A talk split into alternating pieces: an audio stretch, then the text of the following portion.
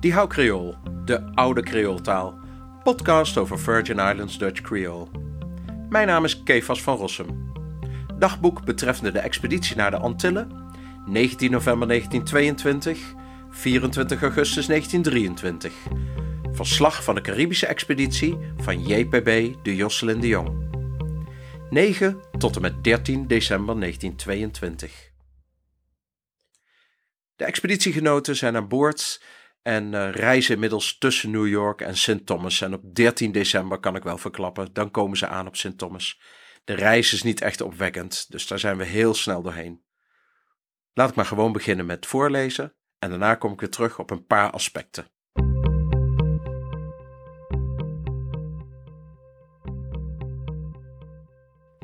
Zaterdag 9 december. Vannacht konden we gelukkig wat beter slapen. De verwarming was afgesloten en het uur voor cleaning up was verlaat tot zes uur. De hele dag zacht weer, maar s'avonds nog wat fris om zonder jas aan dek te liggen. Zondag 10 december. Vannacht goed geslapen. Men wendt aan alles. Prachtig zacht zomerweer.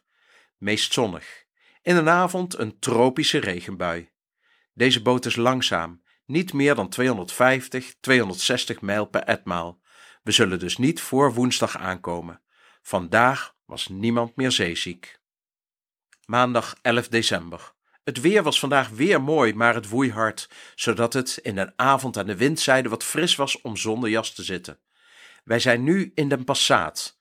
We kunnen pas in St. Thomas bij onze koffers en hebben 11 dollar moeten betalen, omdat we meer bagage hebben dan men vrij mag meenemen. Eerst probeerde de purser ons 20 dollar af te zetten door alle bagage op naam van Had te zetten.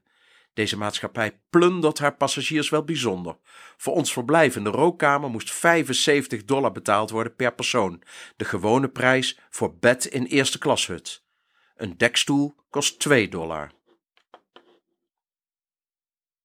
Dinsdag 12 december. S'nachts was het nogal ruw, waardoor we slecht sliepen. Overdag warm, maar een harde wind, meest zonnig, maar één korte, harde regenbui. Woensdag 13 december. Vanochtend om kwart voor negen kregen wij St. Thomas in zicht en kort daarna ook Culebra. Om twaalf uur lagen wij aan de pier. Onder de eerste officials die aan boord kwamen waren een adjudant van de gouverneur, vergezeld door de Deense consul en de waarnemende Nederlandse consul. De adjudant van de gouverneur kwam ons namens zijn chef begroeten en ons mededelen dat er kamers in een hotel voor ons gereserveerd waren en dat hij voor het overbrengen van onze bagage zou zorgen. We waren nu opeens personen van gewicht geworden en de stewards die ons tot nu toe alles behalve beleefd behandeld hebben, uh, vermoedelijk omdat Had en ik er nogal schunnig uitzagen en in de rookkamer moesten slapen, vlogen nu voor ons. Er werd last gegeven dat onze bagage moest worden opgehaald uit het ruim, wat onder ons toezicht en dat van de adjudant des gouverneurs gebeurde.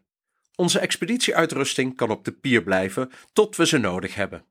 Vervolgens bracht de adjudant ons in de auto van de gouverneur naar Grand Hotel, waar de twee beste kamers voor ons gereserveerd waren. Hij deelde ons mee dat het de gouverneur aangenaam zou zijn als we hem bezochten.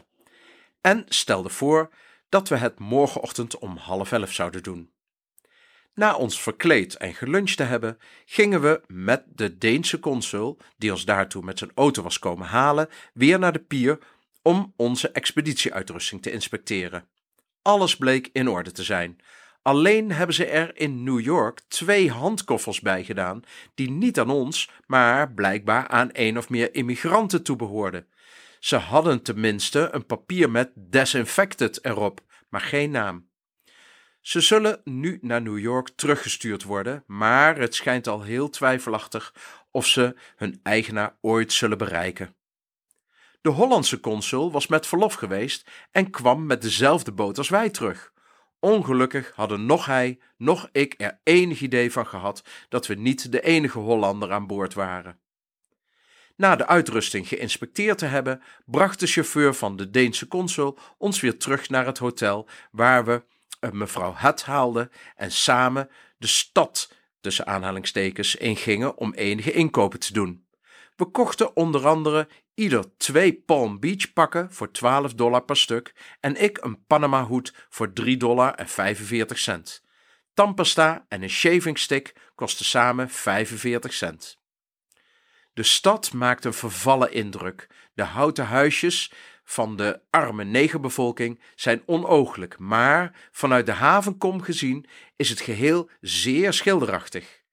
Na het eten, om zeven uur, spraken we enige tijd met de heer Petit, een Deen, chef van het telegraafkantoor, die zich zeer voor ons onderzoek interesseert en in der tijd ook de boy geholpen heeft. Hij gaf ons de namen van de twee mensen die voor de boy gewerkt hebben en diverse nuttige wenken. Het hotel is wel vrij groot, ook de kamers zijn ruim en groot, maar slordig, vuil en verwaarloosd.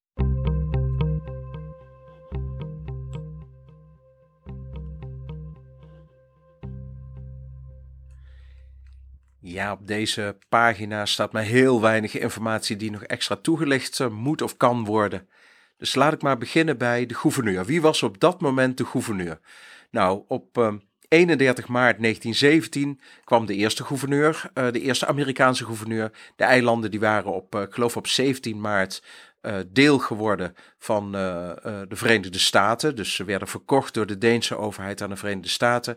En toen kregen we Edwin Taylor Pollock en die werd de, de eerste gouverneur daar. Maar de gouverneur die er zat vanaf 16 september en uh, ja, die heeft daar uh, ruim een jaar gezeten, maar die dus de gouverneur was ten tijde van uh, de expeditie van de Jocelyn de Jong en Goodmund had, was Henry Hughes Howe. En die Henry Hughes Howe, die was een, een vlootadmiraal bij de US Navy. Alhoewel op het moment dat hij de gouverneur was, was hij nog steeds kapitein. En ja, wat ik wel leuk vind om te noemen, hij is op 8 januari 1871 geboren op Saint-Pierre-et-Miquelon. En dat zijn eilanden, Franse eilanden, vlak voor de kust van Newfoundland in, um, in Canada. De eilanden zijn nog steeds een Frans, ja, ik denk het departement of zo'n overzeesdistrict. Zoals je ook ziet met de Kerguelen en allerlei andere, uh, allerlei andere kleine eilandjes. Maar vlak onder de kust van Canada heb je dus deze eilanden. En hij is daar geboren. Het volgende dat we tegenkomen in dit stuk is uh, het Grand Hotel. Het Grand Hotel. En ja, hoe zit dat dan? Uh, er is een aparte website van zelfs. En dan The Grand Hotel opened in downtown Charlotte Amalie in 1841. It was once one of the premier hotels on the island and played a host to many lavish parties due to its prime location and stylish interior. It remained a popular place for vacationers uh, to stay until it closed in 1975. In 2000, the building reopened as the Grand Galleria and is now home to a variety of shops and restaurants, including locals' favorite Jan's uh, Island Cafe and Deli, which serves up Virgin Islands delicacies. Also located in the Grand Galleria is the Virgin Islands Children's Museum. The Lockhart family, one of the longest living families in St. Thomas, owns the Grand Galleria. Zo, um, nou, wat leuke informatie. Ik zal eens kijken of ik meer informatie kan vinden. En die zet ik dan natuurlijk uh, op mijn website, diecreooltaal.com. En het derde, het derde item dat ik moet noemen is natuurlijk het noemen van Theodore de Boy. Uh, de Boy is... Uh, is een uh, archeoloog. Een archeoloog die op zoek is geweest op Sint Thomas naar ja, archeologische materialen. hij heeft zich verdiept in de archeologie van Sint Thomas en van de oudste bewoners. En deze Theodor de Boy is geboren op 5 december 1882 in Hellevoetsluis in, in Nederland. Maar um, hij is naar, uh, hij is, even kijken, uh, toen hij een jaar of 23 was, is hij naar de Verenigde Staten gegaan. Zo lees ik op de Amerikaanse Wikipedia-site. En uh, dus op zijn 23 is hij daar naartoe gegaan. En vanaf 1916 was hij ook Amerikaans staatsburger. Hij is al heel jong overleden. Op 18 februari 1919 uh, is hij overleden in, in New York. En deze uh, deze De Boy wordt regelmatig genoemd in het boek dat ik hier ook regelmatig noem en zal noemen. Uh, namelijk uh, van, van Effort, JPB Dioslin de Jong, curator en archaeologist. En die, hij schrijft hier op bladzijde 30 van het boek al, al het eerste. En dat is... Um, in the meantime, in August 1921... Hutt's article was published in the West, Indi- uh, West Gids. In this article, Hutt summarized his ideas on archaeological research. In fact, the article is a book review of the archaeology of the Virgin Islands and Santo Domingo, Kitchen Midden, and Burial Mound, both by Theodore de Boy. Hutt regarded de Boy conclusions as neither clear nor consistent. De Boy's main conclusion seemed to be that the Aborigines of St. Thomas and St. Croix shared an identical culture, different from that of Puerto Rico. De Boy also failed to distinguish between the two distinct occupation levels at Magens Bay and treated them as one of the same without presenting the exact position of the artifacts which he found there.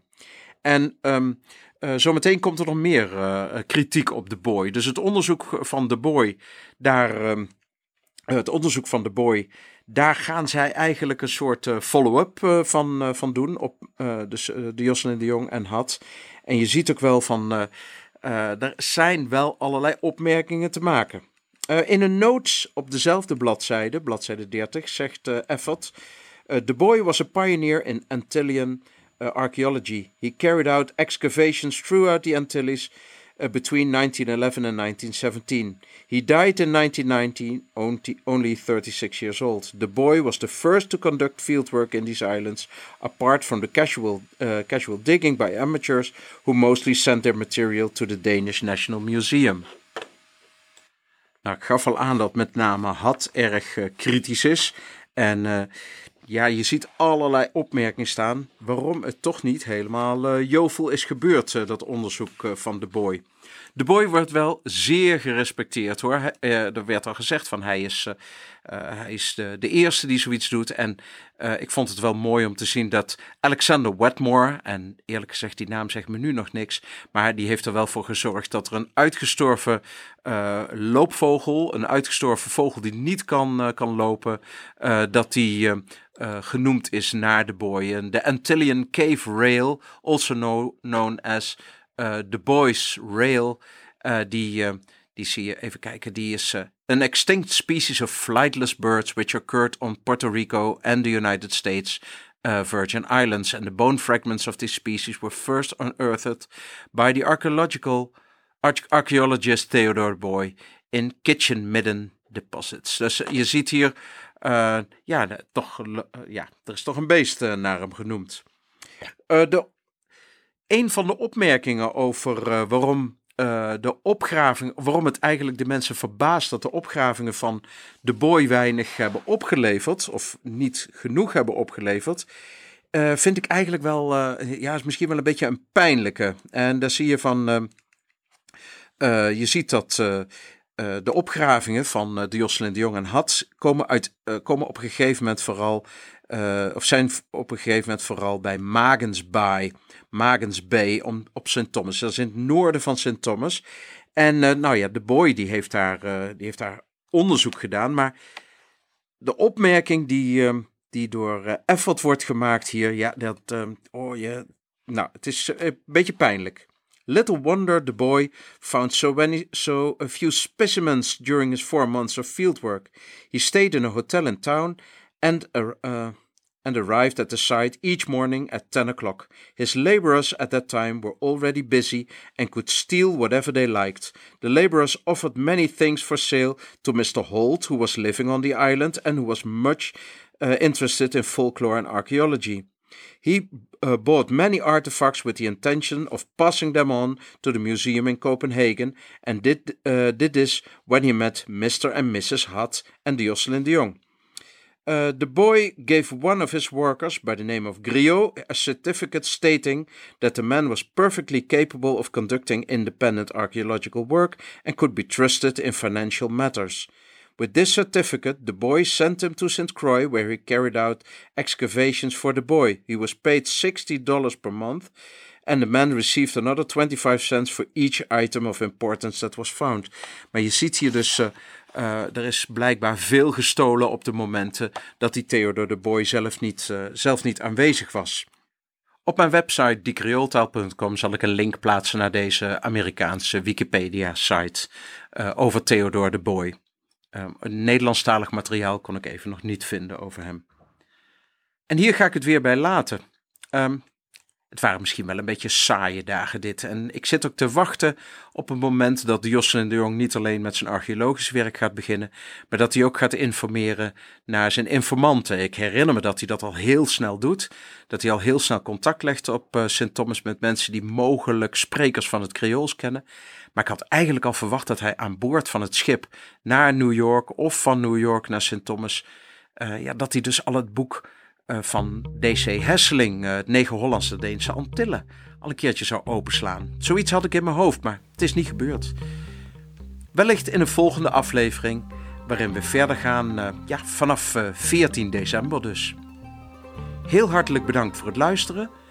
En natuurlijk, mocht u tips hebben of vragen, opmerkingen, stelt u dan alstublieft via www.dicreoltaal.com. Hartelijk bedankt voor het luisteren en tot de volgende keer. En de muziek die is van Feder van Rossum.